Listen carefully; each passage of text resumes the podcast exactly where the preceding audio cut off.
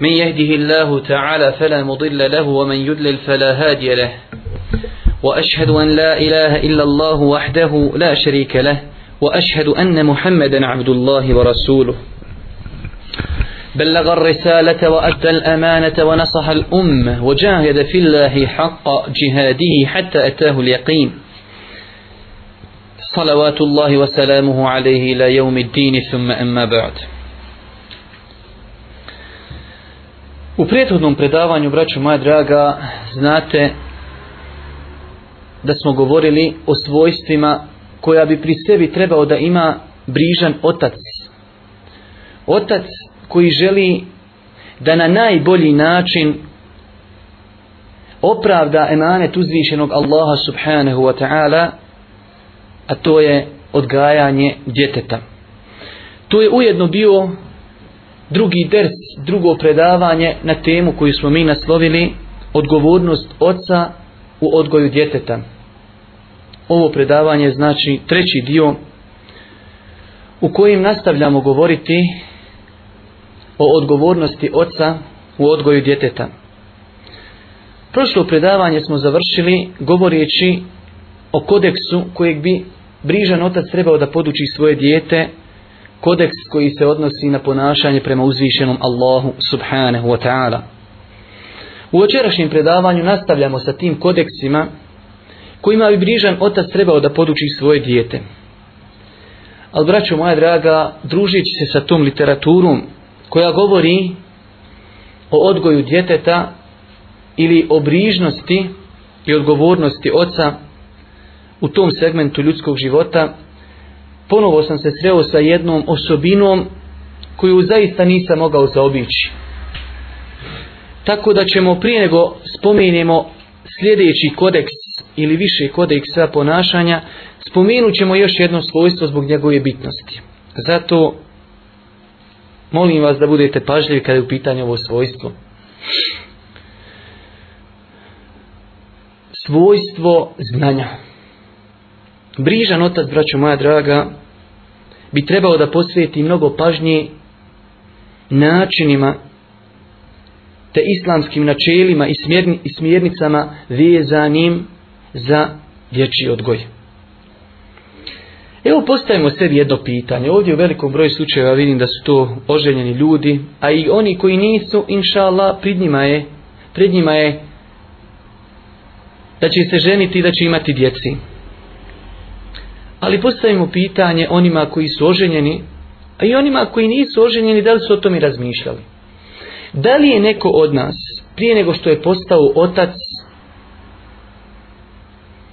uložio maksimalan trud da se educira i da nešto novo sazna o tome kako Islam naređuje brižnom ocu da odgoji svoje dijete u Islamu? Da li je neko to od nas uradio? Ako i jest neko to uradio, onda je zasigurno broj takvih izuzetno mal.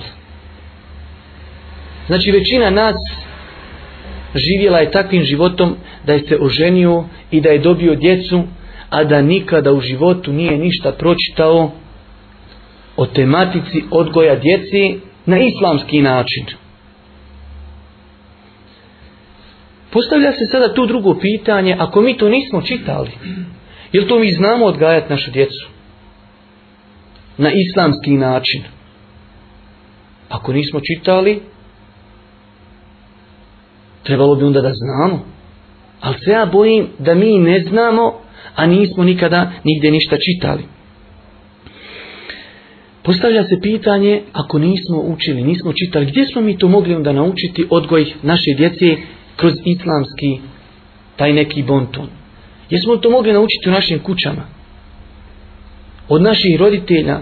želim znači da umanjim vrijednost naših roditelja, ali mi moramo da znamo da su naši roditelji odrasli u državi u kojoj je na vlasti bio komunizam. I kako onda da od njih naučimo islamski način odgoja djeteta? Znači tu nismo mogli naučiti. Jesmo naučili u komšiluku, od prijatelja, od djeci, od rodbini, i od njih nismo mogli to naučiti. Da li smo o tome učili u našim školama? Pa vi znate šta se u našim školama uči. Da je čovjek to od majmuna. I hoće li oni tamo kazati kako se čovjek na islamski način odgaja? Tamo i danas dan kada govori o sidi i kako čovjek da se zaštiti od Sidi, oni i danas dan govori da treba koristiti prezervative, a ne da treba ostaviti blud. Jesmo li tamo mogli naučiti islamski način odgoja djeci? Ovo sve spominjem, braću moja draga, da bi rezimirali samo na kraju i da spominjemo kako smo potrebni, kako smo potrebni literaturi, kako smo potrebni educiranja u tom pogledu. Potrebni smo, braćo moja draga, da se educiramo u tom pogledu. Oni koji su oženjeni imaju djecu, da nauči kako će odgajati tu svoju djecu. A oni koji nisu oženjeni, neka znaju da je to pred njima i da će im to svakog dana trebati. Pogledajte ovdje non stop govorimo o tome da bi čovjek trebao da se poduči islamskom načinu podizanja djece prije nego dođu djeca. Zašto non stop govorimo prije nego što dođu djeca? Braćo moja draga, ako pogledamo nas i naš život dunjalučki, mi ćemo vidjeti da smo mi te stvari u dunjalučkim stvarima dobro sažvakali, da mi to dobro znamo. Ali je problem samo što to ne prakticiramo u ahiretskim stvarima. Primjera radi. Evo sada da neko od nas dobije neki posao. I nije stručan da ga obnaša. Šta bi on uradio? Ili bi se upisao na neki seminar, ili neki kurs, ili neku knjigu kupio, malo bi se znači upoznao sa tom tematikom i onda krenuo bi raditi taj posao. Ali kada je u pitanju ahiret i odgajanje djeci i islam, tada može, ništa. Ženi se čovjek, dobija djecu, jedno, drugo, treći i on njih odgaja kako misli da je najbolji. A vidjet ćete, braćo moja draga, da li je to dovoljno. Evo primjera radi, to je lijep primjer da smo mi to shvatili u dunjalučkim stvarima. Ali je problem što moramo to preslikati na dunjalučke na stvari. Evo braća pčelari, opet ćemo njih malo barnut po običaju. Vidjeli ste kako su oni mašala ove godine imali seminar da bi se upoznali sa pčelarinjem. I to je pohvalno. Ali je problem, braću moja draga, što smo mi tu istu stvar ne preslikajemo tamo gdje nam je mnogo potrebniji. Jer u tim dunjalučkim stvarima, znači, možete koštati dunjalučki i ništa više. Ali u ovim stvarima možete koštati u negativnom smislu i u dunjaluku i u ahiretu. Evo sjetimo se samo primjera radi koliko smo se svi u većini slučajeva prošli put prošlog predava iznenadili kada smo govorili kako islam beskompromisno naređuje da čovjek bude pravedan među svojom djecom. Svi smo se iznenadili da toliko islam naređuje pravdu među djecom. Zašto smo se iznenadili? Zato što se nismo prije toga educirali i nismo izučavali tu tematiku. Evo večeras ćemo još jedan primjer spomenuti kako bi shvatili našu potrebu. Cijelo vrijeme hoću da vam pokažem i da dokažem i da shvatimo koliko smo potrebni te literature i tog educiranja u tom segmentu. Evo, zar nije svakodnevnica svakog od nas koji ima djecu da malo išivamo djecu? Jel tako? Pa to je normalna stvar. Zna li neko spomenuti uvjete koji su islamski učenjaci spomenuli prilikom batinanja i šibanja djeteta? Ja sam ubijeđen da velik broj nas, oni koji šibamo djecu, ne znamo to. To je samo jedan dokaz kako ne znamo o toj tematici ništa. Pogledajte, evo, ja ću spomenuti pet onaj uvjeta, neki su spomenuli više, neki manje. Islamski učenjaci kažu kada je u pitanju šibanje i batinanje djeteta, da je to zadnja metoda koju čovjek treba pristupiti. Da prije toga trebaš pokušati sa svim drugim metodama. U nas kontra. Prva stvar dolazi vamo i pleska.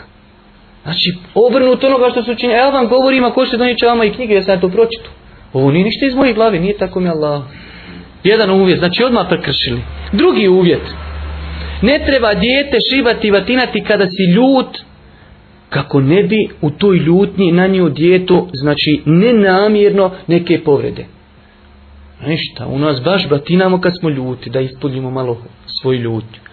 Drugi uvjet opet prekršili. Treći uvjet. Otac prilikom batinanja bi trebao da pazi da dijete ne udara po osjetljivim mjestima, kao što je glava, stomak, lice i neke slične stvari. Opet prekršili. Prvo pa plesku. Po glavi volam, izbićeš dijete oko. I mnogo drugih načina, znači, u kojima mi ne razmišljamo kako batinamo i šibamo djecu. Četvrti uvjet da bi šibanje bilo znači validno treba da bude odgojno karaktera, a ne ispoljavanje ljutnje. Kad mi šibamo našu djecu, šta je to? Ispoljavanje ljutnje, nema to nikakvog odgojnog karaktera. Bitno je da se ti ispušiš negdje. Na kome? Na jednom djetetu.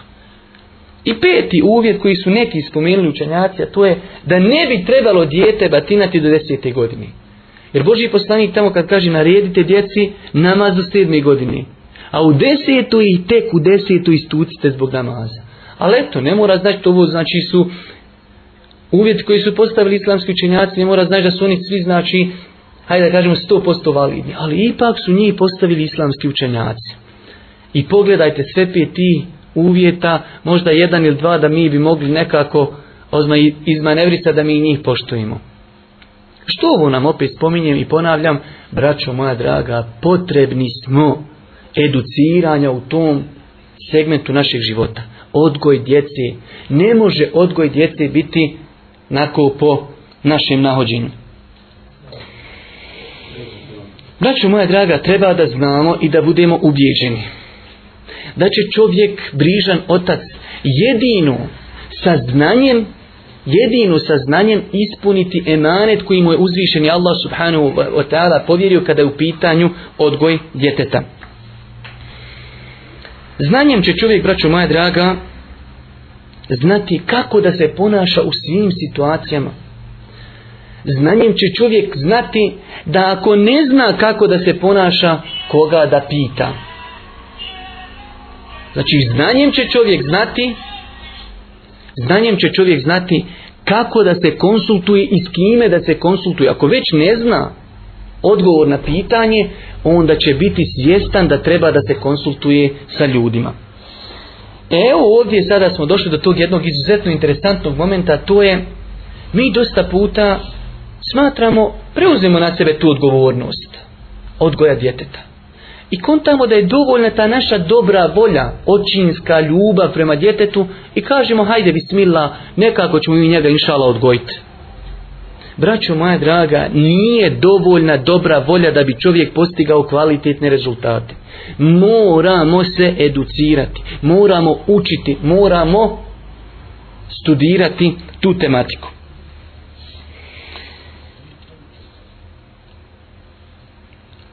ću vam jedan primjer kako bi shvatili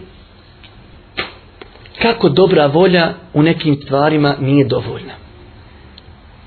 Drugi primjer, ali vidjet ćete šta znači nepuštanje šerijetskog znanja. Čovjek voli džamiju, voli namaz, voli islam, živi za islam, živi za džamiju, živi za namaz i ide klanja, ali nema znanja, ali voli. I klanja čovjek 60 godina. Kaže Allah poslanik alaih salatu wasalam u hadisu kojeg od Allahog poslanika prenosi Ebu Hureyre, hadišću i vjerodostojno se potvrdio šeha Albani u više knjiga. Kaže Allahog se alaihi salatu wasalam, čovjek će klanjati 60 godina, a neće mu biti primljen jedan namaz. Kaže, možda je u upotpunio ruku, a nije upotpunio seđdu. Možda je upotpunio seđdu, a nije upotpunio ruku. Pogledajte, ja sam danas jeo malo maksu kod kući, da vam ne bi bio dosadan, skratit ću ja to. Da pa vidite samo koliko je taj čovjek za ti 60 godina proveo u džamiji vremena. Ako bi rekli da svaki namaz traje 5 minuta samo, a traje svaki više. 5 minuta samo puta 5, znači namaza dnevno, to je 25 minuta dnevno, jel tako? Jest. Puta 365 dana u godini, znate koliko je to minuta? 9125 minuta u jednoj godini čovjek provede u džami ako svaki namaz samo klanja 5 minuta. Ako to pomnožimo sa 60 godina, dobit ćemo da čovjek provede, braću moja draga, 380 dana u svom životu čovjek je proveo u džamiji 380 dana, samo po 5 minuta svaki namaz, ako je znači 60 godina klanjao. Što znači, ako 10 minuta klanja svaki namaz, 760 dana čovjek je proveo u džami. I sve to pogledajte po obećanju Allahog poslanika, nijedan namaz mu nije primljen. Šta želimo i dalje da dokažemo znanje? Tom čovjeku nije bio primljen namaz, nešto nije imao volje, nešto nije imao želje, nešto nije volio džanju, zato što nije imao znanja. Tako isto i odgoj djeteta. Ne može se dijete odgajati dobrom voljom dijete se mora odgajati onako kako su nam postavili islamski učenjaci, onako kako nam je preporučio poslanik alihi salatu wasalam i onako kako nas uči Kur'an. Zato kažem, braću moja draga, problem je ako čovjek se nije educirao. Kako odgojiti svoje dijete? Arapi imaju jednu izreku pa kažu faqidu shay la Onaj ko nešto ne posjeduje, koji izgubio, ne može ti to dati. E, ima i u nas sva slična, kažu prazna ne puca. Nema bibi. Ako se nisi naučio kako ćeš odgojiti svoje dijete, tvoja puška je prazna i ona ne puca. Ti to ne posjeduješ, a ono što ne posjeduješ ne možeš drugom dati. Treba da znamo, braćo moja draga, namjerno sam odužio kod ove tačke zbog njene bitnosti. Treba da znamo tim svojim neznanjem možemo tom svom voljenom evladu nanijeti tolku nepravdu da zaglavi džehennema vječnog.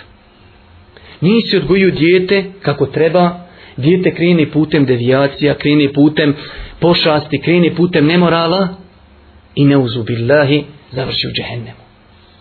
Ko je kriv? Krivi roditelj. Što ga nije odgojio kako treba. Što se nije na vrijeme educirao. Kako si se mogao educirati u pogledu svjetovni stvari. Hoćeš ovo, aj prvo u školu. Hoćeš djecu, ah ništa, udri je u tarabe, nema veze, odgajači će odgajači i video igrice, odgajači serije, Odgajači učitelj tamo da je dijete nastalo od majmuna. Babo nema kad. Zato kažemo, braćo moja draga, ozbiljno shvatite needuciranje i neizučavanje ove oblasti, ja sam ubijeđen da potpada pod hadisa Allahog poslanika gdje prijeti i kaže kojem god robu Allah Đelešanu dadne emanet. I on ne ispuni taj emanet, Allah će mu zabran Ako nisi bio za emaneta, na vrijeme to kaže. Ako si preuzeo emanet, onda taj emanet ispuni kako treba. Ako hoćeš djecu, onda molim lijepo, prije nego što da djeca dođu na, na Dunjaluk, educiraj se kako da podižeš tu djecu. Braćo moja draga, to neznanje nije ono pokuđeno samo u tom segmentu.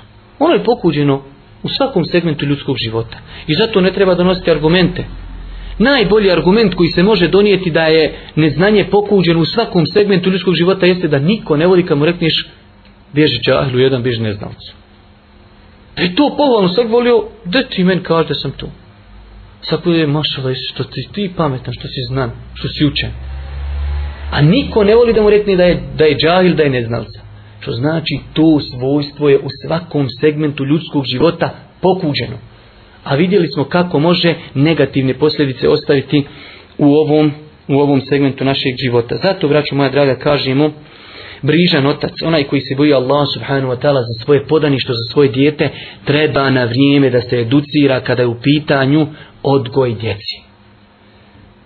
Mi nismo imali to gdje naučiti hvala uzvišnom Allahu, sada postoji literatura, postoje knjige prevedene i možemo i imamo priliku gdje da naučimo i svako od nas treba da te stvari nauči.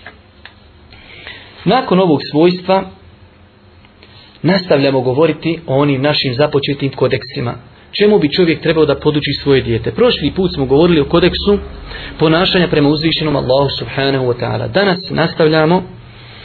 Brižan otac bi trebao svoje dijete da poduči braću moja draga kodeksu ponašanja prema poslaniku. A to ta sljedeći stvari.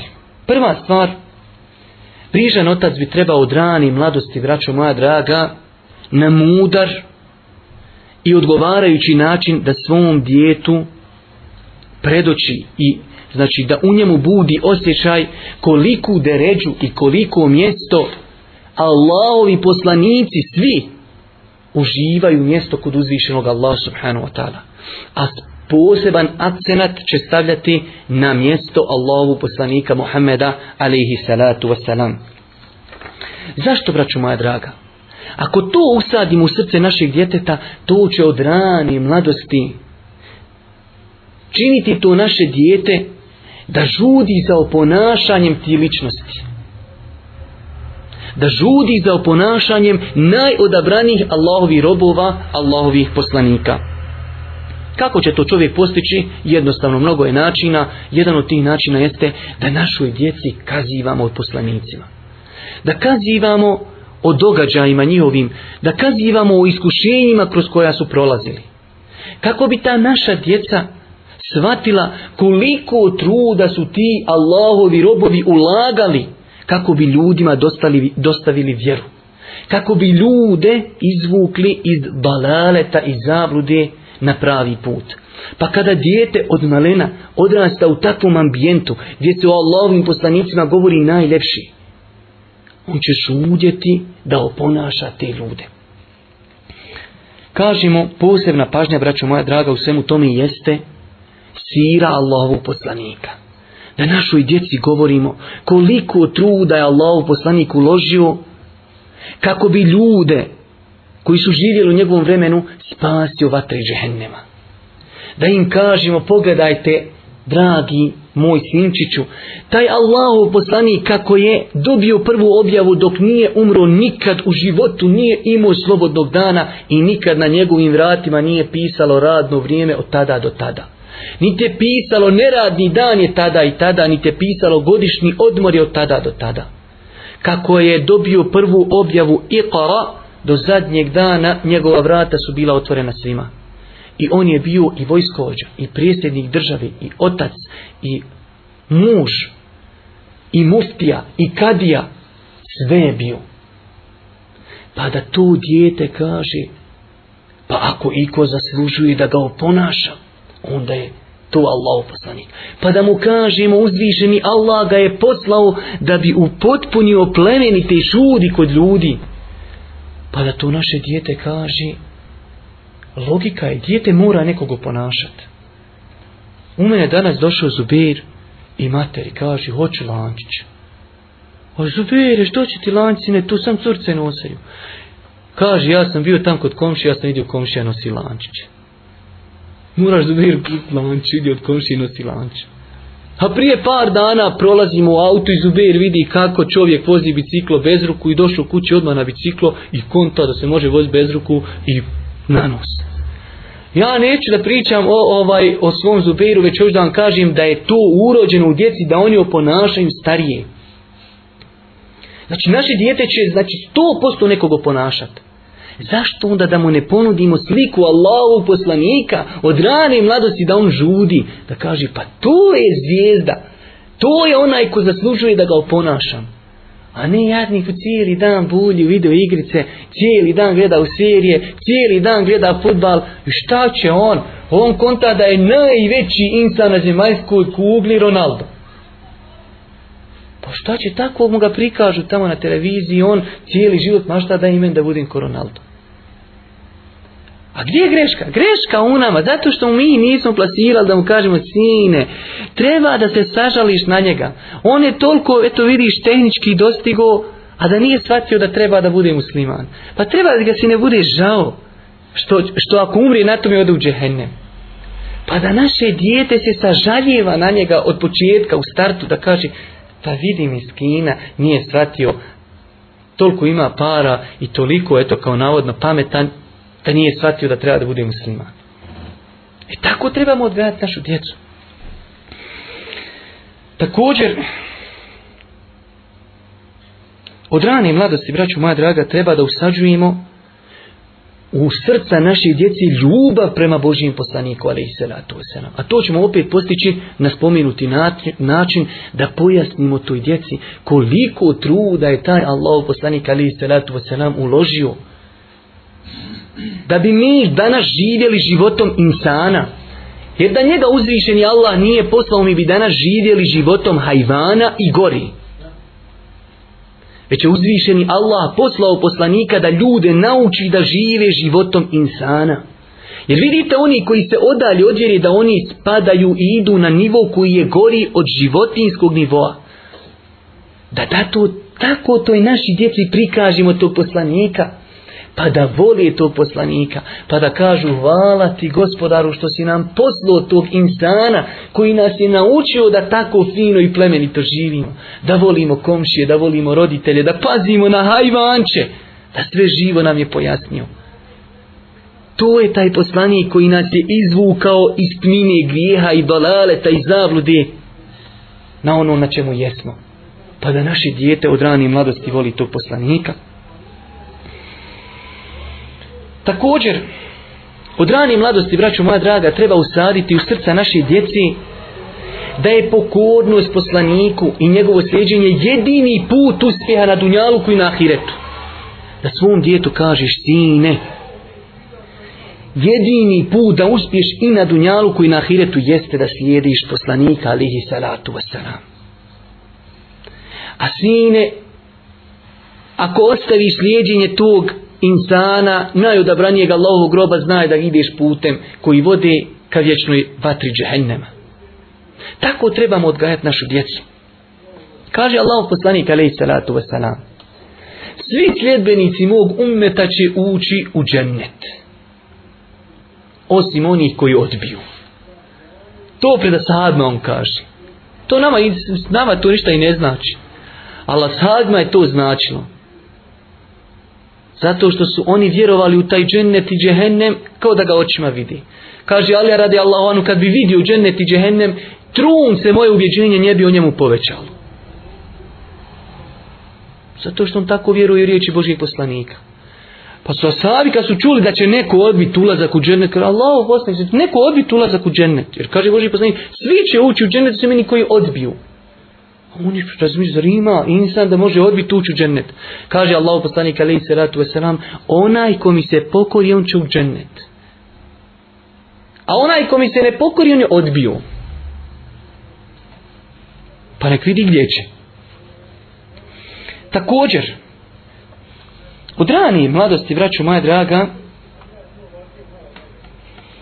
treba da učimo našu djecu da se ljubav prema Allahovom poslaniku alihi salatu salam ne ispoljava na način da jednom godišnje prisustvuješ me vludu.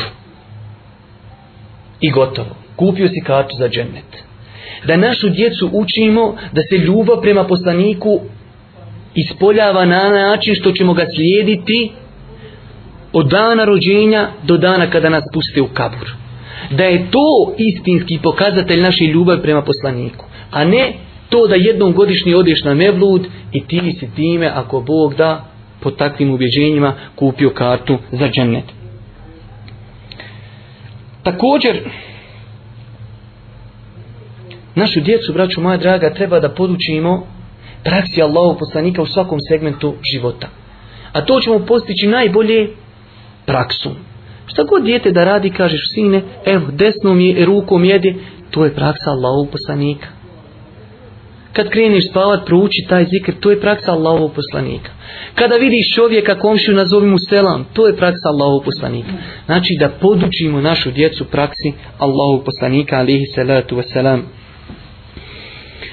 U drani i mladosti, braćo moja draga, trebamo izuzetno zapostavljen segment našeg života, trebamo našu djecu posticati da uči hadisa Allahovog poslanika.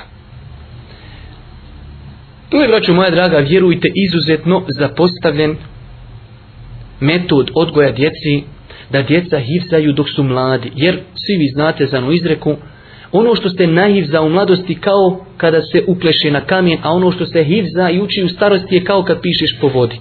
Zato to vrijeme treba iskoristiti. I nema nikakve smetnje da daš djetu nagradu zato što je nešto naučio. Jer tu je bila praksa prvih generacija. Spominje poznati islamski učenjak El-Hatib el-Baghdadi da je Ibrahim ibn Edhem kazao moj otac mi je rekao znači otac od Ibrahim ibn Edhema je rekao Ibrahim ibn Edhemu kaže sinčiću moj za svaki hadis koji naučiš ja ću ti dati srebrenjak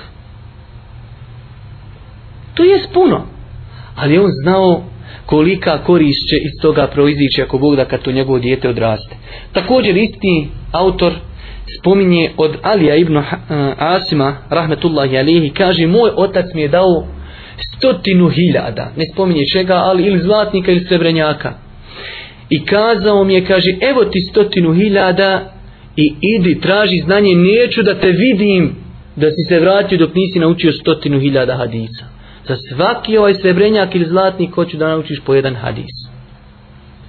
Šta nama smeta danas da kažemo našim djetetu, sine, evo 40 hadisa, ne svaki hadis koji naučiš ako Bog da, babo će ti dati Marko. 5, deset koliko možeš dati. Nima smetnje, braću moja draga, da to dijete nauči, a ti hadisi će mu ako Bog da, izuzetno mnogo koristiti kada odraste. I na kraju, Mnogo je toga što bi se trebalo spomenuti, a vezuje se za kodeks poslanika, ponašanja prema poslaniku, jeste, braću moja draga, izuzetno bitna stvar. Problem je kod nas što mi nemamo dijaloga s našom djecom. Mi se moramo učiti razgovarati s našom djecom. Da sjedniš i da djetu govoriš. Mi našoj djeci treba od ranije mladosti da ulijemo ubjeđenja u njihova srca sljedeće stvari. Prva stvar, da je Allah poslanik Muhammed alihi salatu wasalam posljednji poslanik. Da je poslan cijelom čovječanstvu. I treća stvar, da je njegova vjera, njegov vjerozakon, njegov šerijat derogirao sve druge šerijate i vjerozakone. Ove stvari, braćo moja draga, ako uspijemo uliti u srca našeg djeteta od rane mladosti, postigli smo velik hajr. Prva stvar, ako mu uspijemo uliti u njegovo srce da je poslanik Mohamed posljednji poslanik. Sutra kada čuje, dođe mu tamo neki hađi buba i kaže imam ja objavu, dobivam objavu. To dijete nema, u njega ima formula bolan, 1 plus 1, 2. On zna, kam kaže formula, Mohamed Ali Selam posljednji poslanik.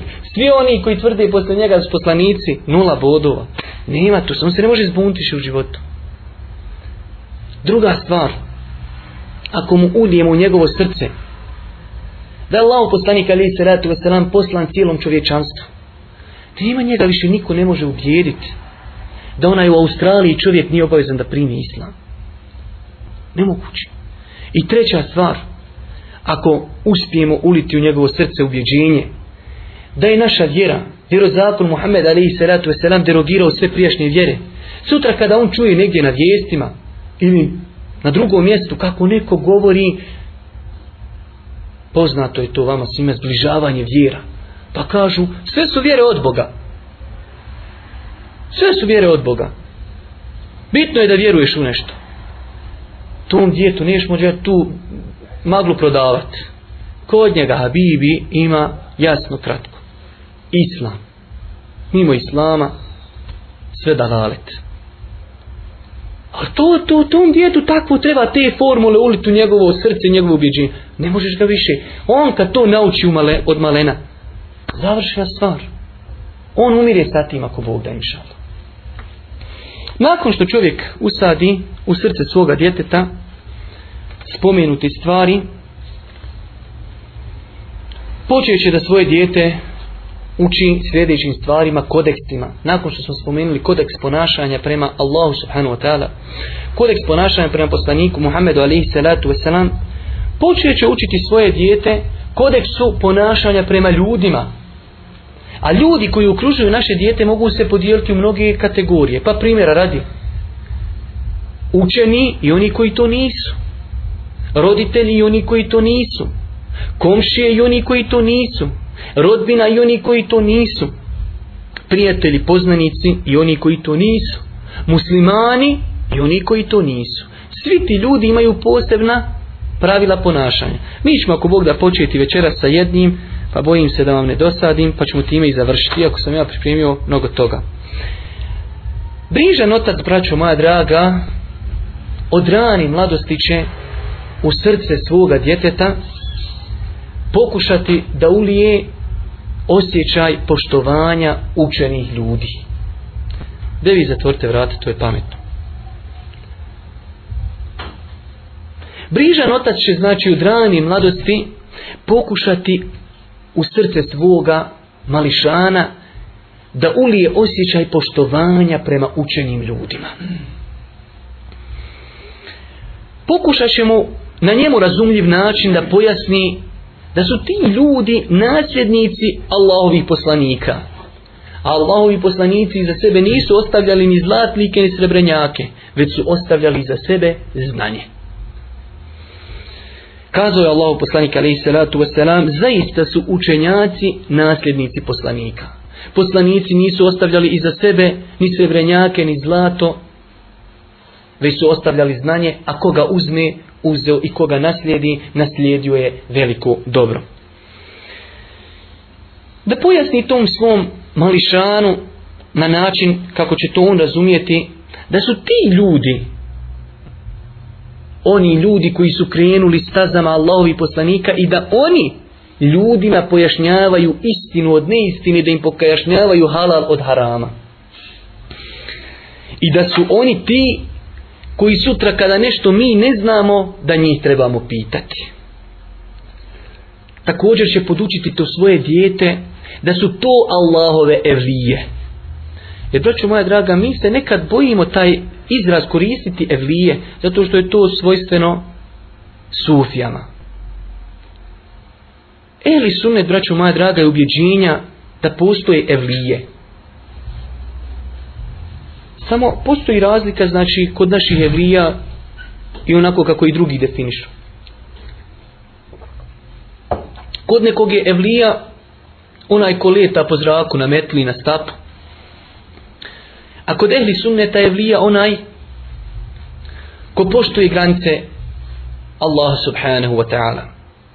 Kaže Allah poslanik alaihi salatu wasalam u hadijskoj izbilježu Buharija hadis Kutsi, da Allah subhanahu wa ta'ala rekao men aada li valijen faqad aventuhu bil harb onaj ko uznemiri mog evliju ja sam mu rat objavio kaže Ibn Ređep Hanbelijski učenjak Kaži ako Allahove evlije nisu učenjaci i pravnici onda Allah nema evlija Allah ima evlije a on kaže ako nisu učenjaci i ako nisu pravnici onda nema evlija. Zato moramo od i mladosti usađivati u srca naše djeci da su to Allahove evlije. I shodno mi treba se s njima fino odnositi. Treba našu djecu da naučimo kako sjediti pred učenjakom, kako ga poselamiti, kako ga pitati ako mu nešto nije jasno. i se dešaj da čovjek se nekada stidi kada će u društvu učenog čovjeka i dođe neko koga njegovi nisu podučili i sam sebe nije naučio kako se ponašati prema učenim ljudima. Pa kada vidiš kako se čovjek ponaša i na kraju krajeva nekada kako umalovažava, onda tebe ispred njega stid. Zato treba našu djecu da nauči kako se sjedi pred ulemom, kako se priča i kako se razgovara sa njima. Vi znate svi hadis u Buhari, kaže Ibn Omer, Allahu poslanik ali salatu nam jedne prilike je pitao ashabe, kaže koje je to drvo slično mu'minu? Korist tog drveta je slična koristi mu'mina. U tom hadisu, braću moja draga, šejh Abdurazak, sin Abdul Muhsina el Abada jednog izuzetno velikog učenjaka u napisao je čitavo skriptu, samo komentarišujući taj hadis. Kojem Allah Poslanika alaih račun selam poredi mu'mina sa drvetom. Kaže Ibn Omer, pa je Allah poslanik to postavio ashabima pitanja. Ja sam bio među njima i bio mi babo Omer tu.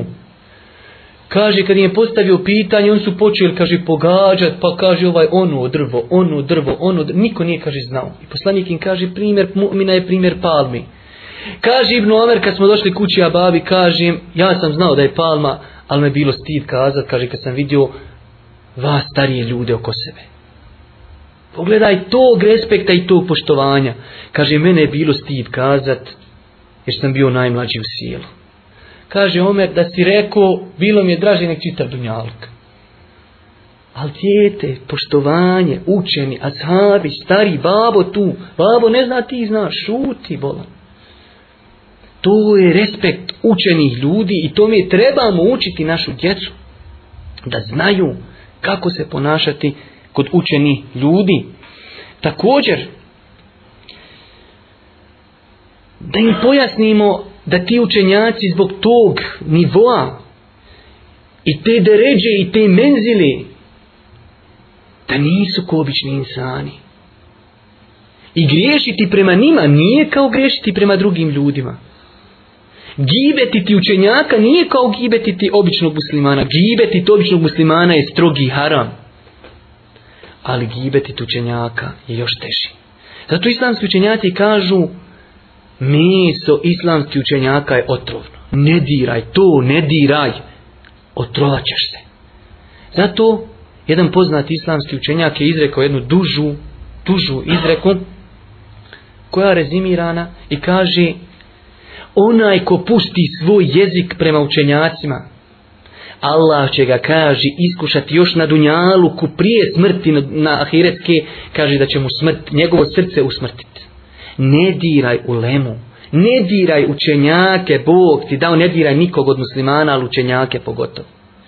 I da naučimo našu djecu od malena, da poštuju stavove učenjaka. Makar došli sutra na nivo da se ne slažu sa tim stavom, da poštuju da imaju lijepo mišljenje o učenjacima, da mu nikada ne padni na um, da mu to šeita ne može ni došapnuti toliko da poštuje učenjake, da kaže tu fetvu je izdao zato što se boji državi.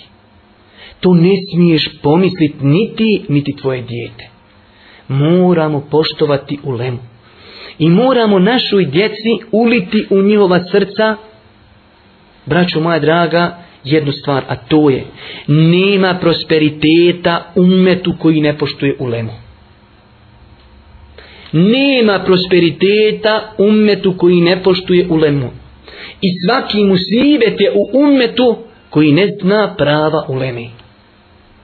Jer, braćo moja draga, moramo shvatiti da su tu nasljednici poslanika to nisu moje riječi, riječi Allahu poslanika u vjerodostojnom hadisu. Učenjaci su njihovi nasljednici. Zar to ne ukazuje na veličinu njihovih prava? Jer illahu alladine amenu minkum walladine utul ilme darajat. Uzvišeni Allah je na posebne stepene uzdigao one među vama koji vjeruju i kojima je znanje dato. Posebno su to stepeni. Pa znate svi vjerodostojan hadis da Allah poslani kaže za učenog čovjeka istigfar čini stanovnici zemlje i stanovnici nebesa. Pa čak, kaže, i riba u vodi, i mrav u onom mravinjaku, ti kontaš mrav cijelo ljeto, nosav, žito, ma bolan i onaj mrav ima svoje zaduženje, on istigfar za učenjaka čini. I dođe ona i priča u lemi. Pa čuvaj svoj jezik, vrate, muslimanu, i je uči svoje dijete da ne smije pričati o islamskim učenjacima.